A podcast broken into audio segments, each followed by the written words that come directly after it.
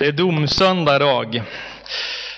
Bakom det lite, lite ödesmättade namnet på en söndag så gömmer sig ändå ett budskap som det är mycket hopp i. Det är mycket tröst i det. Det är en del allvar i det, det är det. Men framförallt så är det mycket befrielse. En dag ska rättvisa skipas. En dag ska Jesus ikläda sig domarrollen och göra upp med allt det onda. Och säga att nu, nu ska rätt vara rätt. Det budskapet vill jag påminna oss om lite grann idag. Vi ska läsa en par verser från Daniels bok, sjunde kapitlet. Vi läste det i ett bibelstudium för någon vecka sedan där vi talade om Daniels profetier och syner. Men vi ska läsa de där verserna idag också. Eh, Daniel får i en syn se in i en, i en annan dimension, i ett framtidsscenario. Och så utspelar sig följande. Daniel 7, vers 9. Sen såg jag tronsalar, tronstolar sättas fram och en uråldrig man slå sig ner. Hans kläder var snövita och håret på hans huvud var som ren ull. Hans tron var eldslågor och hjulen därunder flammande eld. En ström av eld flöt fram från platsen där han satt. Tusen och åter tusen betjänade honom. Tiotusen och åter tiotusen stod där inför honom. Så tog domare plats och böcker öppnades. En himmelsk domartribunal tar plats och så ska dom avkunnas. Och mitt ibland dessa den högste domaren, här beskrivs han som en uråldrig man. I en annan översättning så står det mitt bland dem stod den gamle av dagar. Det tycker jag är en mäktig och fin formulering. Det talar om här kommer den evige, här kommer Gud för att avkunna dom.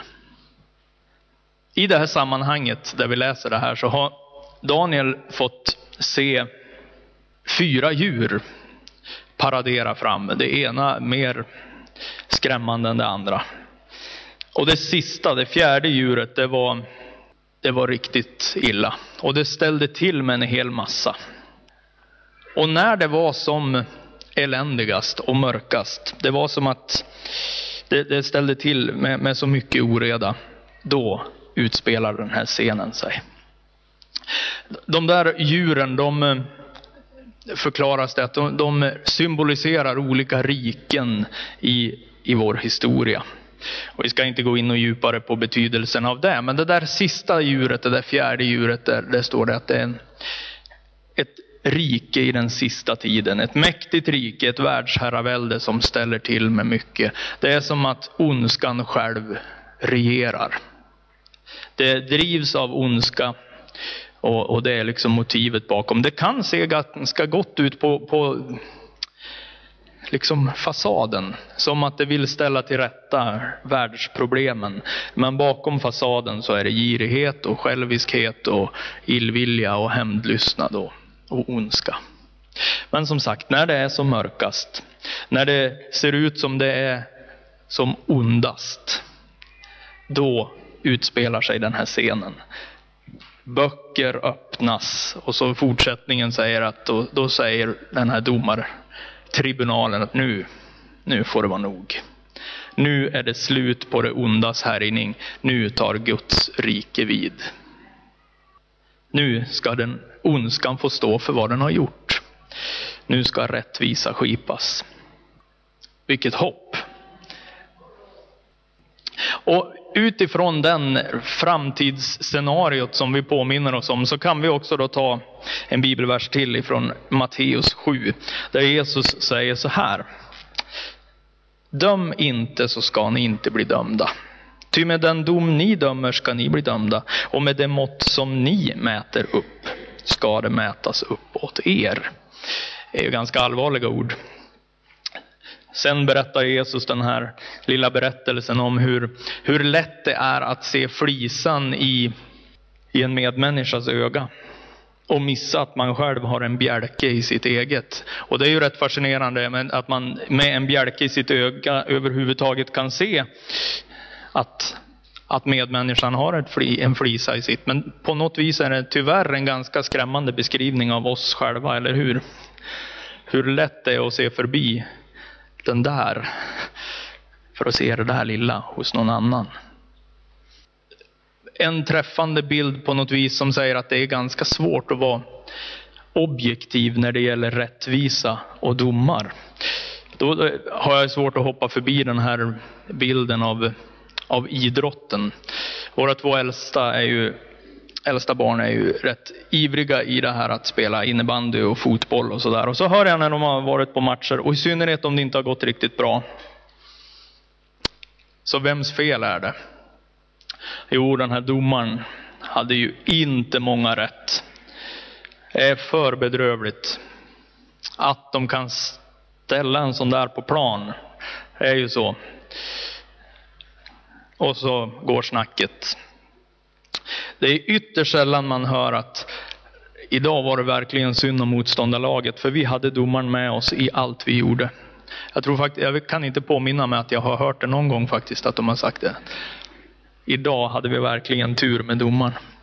Och så småler jag åt det där och tänker att, ja, ja. Så. Då inträffar de här otäcka bitarna. Att när jag då sätter mig och tittar på idrott, och då märker ni, ni som inte känner mig, på vilken nivå jag sportar. Det är den här sitta i soffan-varianten. Att när jag till exempel i fredags kväll sitter och tittar på mitt Modo som åker på, på däng mot jumbolaget Örebro som de ska slå alla dagar i veckan. Så vad är det jag sitter och tänker där? Ja men snälla domaren, nu behöver du inte ge örebroarna mer hjälp. Och, så, och då pratar vi om mig, objektiva och balanserade jag, som faller i den gropen. Hur var det där med bjälken och flisan? Vad svårt det är att vara objektiv när det gäller, när det gäller rättvisa och domar. Och Jesus vet om det och så på något vis uppmanar han oss, lämna det där till mig. Jag tror det blir lugnast så. Jesus domaregenskaper beskrivs i Jesaja 11 och vi läser en par verser där också. Där står det så här. Han är fylld av Herrens ande, vishetens och insiktens ande. Klokhetens och kraftens ande, kunskapens och gudsfruktans ande. Han dömer inte efter skenet. Han skipar inte rätt efter rykten. De där sista orden är det tyngd i tycker jag. Dömer inte efter rykten eller efter skenet på utsidan. Ni vet det här ryktena, va? När, man, när det sägs något till person A och så blir det lite större innan det sägs till person B därifrån. Och så läggs det på lite saftigare detaljer innan det kommer till person C. Och så rullar det igång och så är det en otäck boll i rullning. Ska vi vara ärliga så är det väl så att du och jag ibland att vi bedömer varandra och vi har åsikter om varandra och dömer varandra utifrån en sån där otäck boll i rullning. Jo, men jag har minsann hört att jag vet inte hur mycket sanning det är, men man vet ju aldrig. Ni vet det där, ingen rök utan eld och så vidare. Och så bedömer vi varandra efter det där. Han skipar inte rätt efter rykten. Han dömer inte efter rykten.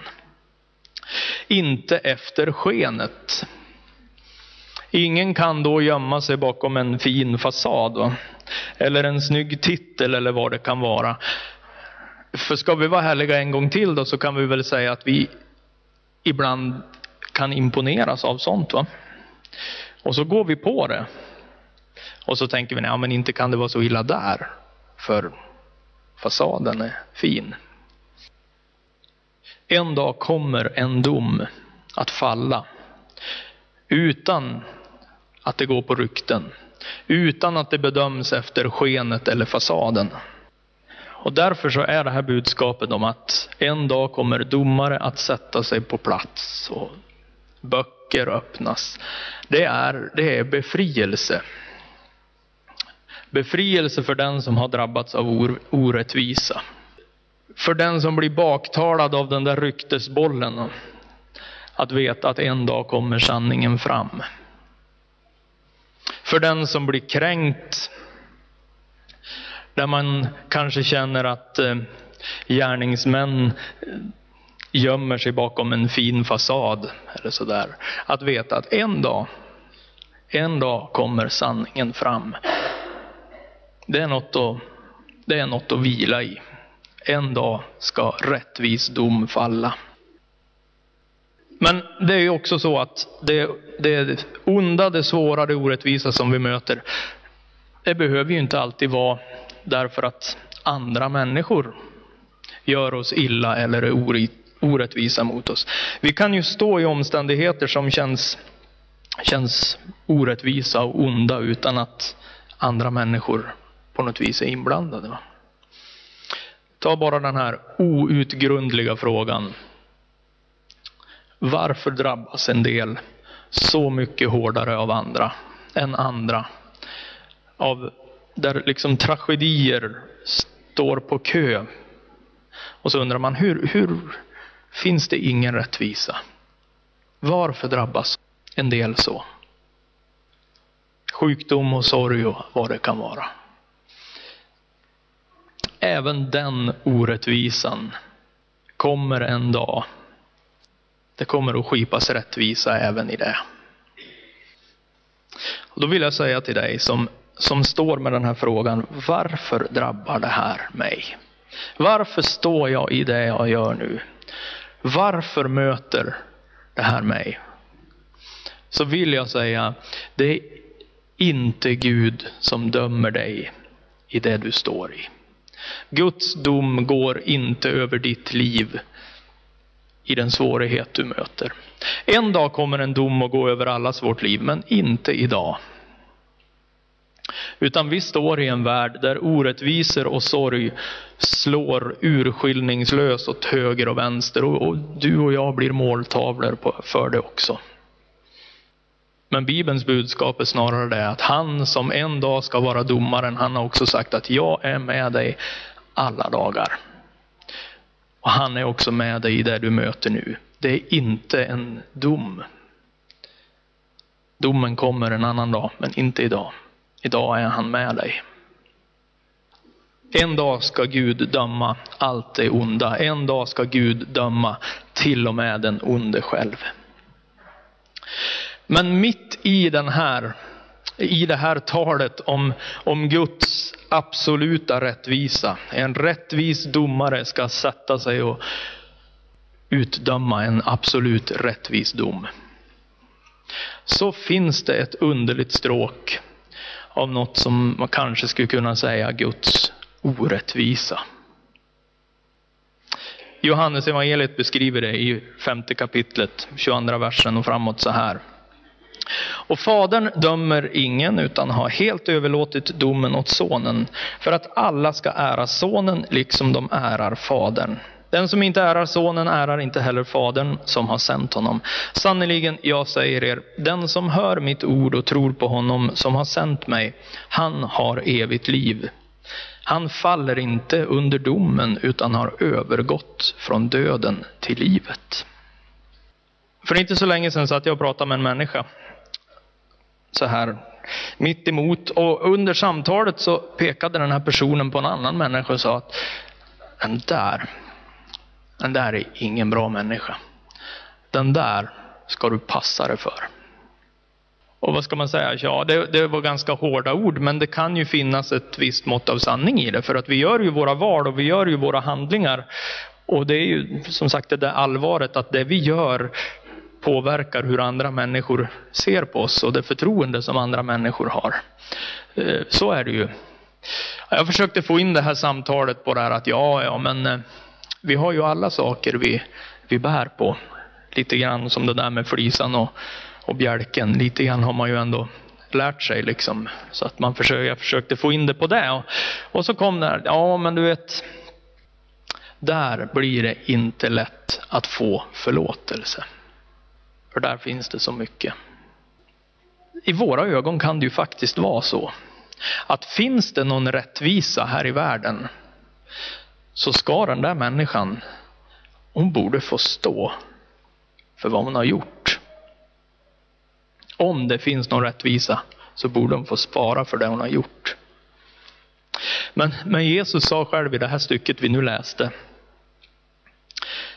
att när du och jag tror på Jesus som den Gud sände för att göra upp med vår skuld, då faller vi inte under domen.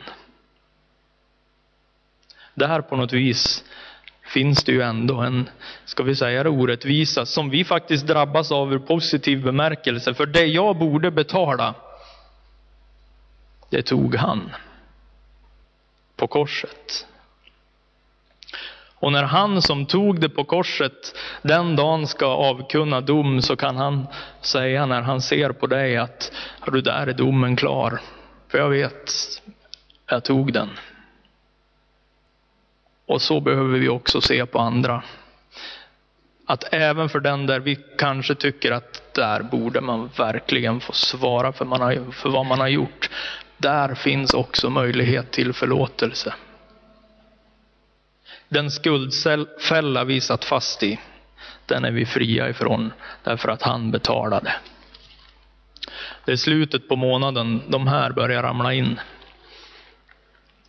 Ni vet fönsterkuverten. Har man riktigt tur så är det lönespecifikationen. Men det är så pass många så det kan ju inte vara lönespecen i alla. Utan de andra står det ofta att betala. Och så står det ett slutdatum. Vi har de där hängande över våra liv också. Fönsterkuverten. Och den punkten i predikan tar vi på det här viset istället.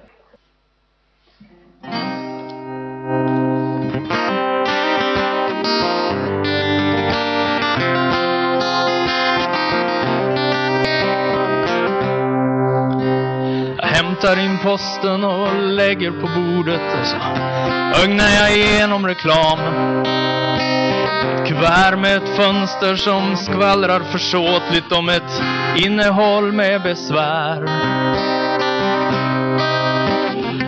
Öppnar och tar mig för pannan och sätter mig ner. För en summa förskräckande stor och ett krav tryckt i svart. Summa förskräckande stor och ett krav tryckt i svart. Hur ska jag någonsin betala den summan? Hur ska jag någonsin bli fri? Här hjälper inte att jobba över och extra, oavsett svart eller vitt. Kan man ens böna och be om anstånd och frist? Vågar man be om en plan att betala på sikt? Vågar man ens be om en plan att betala på sikt? När man är fast i en fälla, fast i en skuld.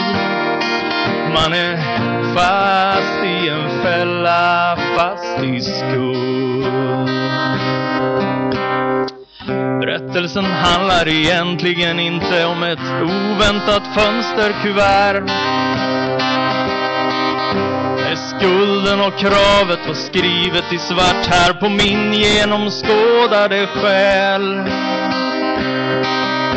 Men skammen och uppgivenheten är samma som där. Rädslan att be om en frist och förlåtelse tär. Rädslan att be om en frist och förlåtelse tär. Men spiken som borrade igenom en hand och fäste vid grovhuggen stock. Den spikade samtidigt fast alla skulder och även den från min själ. Där drogs ett streck över summan och allt blev betalt. Jag sträcker mig efter den handen som ställer mig fri. Så jag sträcker mig efter den handen som ställer mig fri.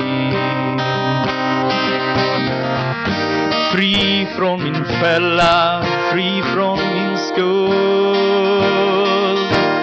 Jag är fri från min fälla, fri från min skuld. Så jag sträcker mig efter den handen som ställer mig fri.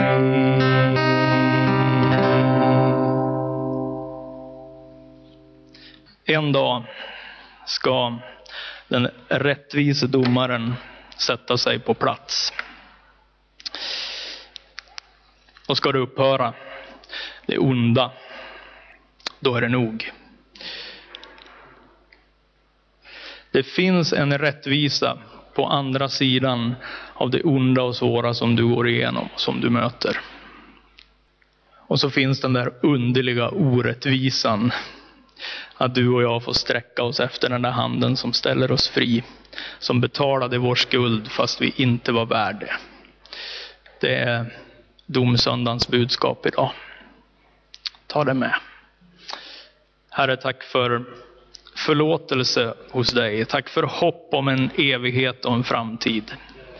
Tack för att du betalade skulden som var tryckt över våra liv. Tack för hoppet om att allt det onda vi ser, allt det onda vi möter, att en dag ska rättvisa skipas.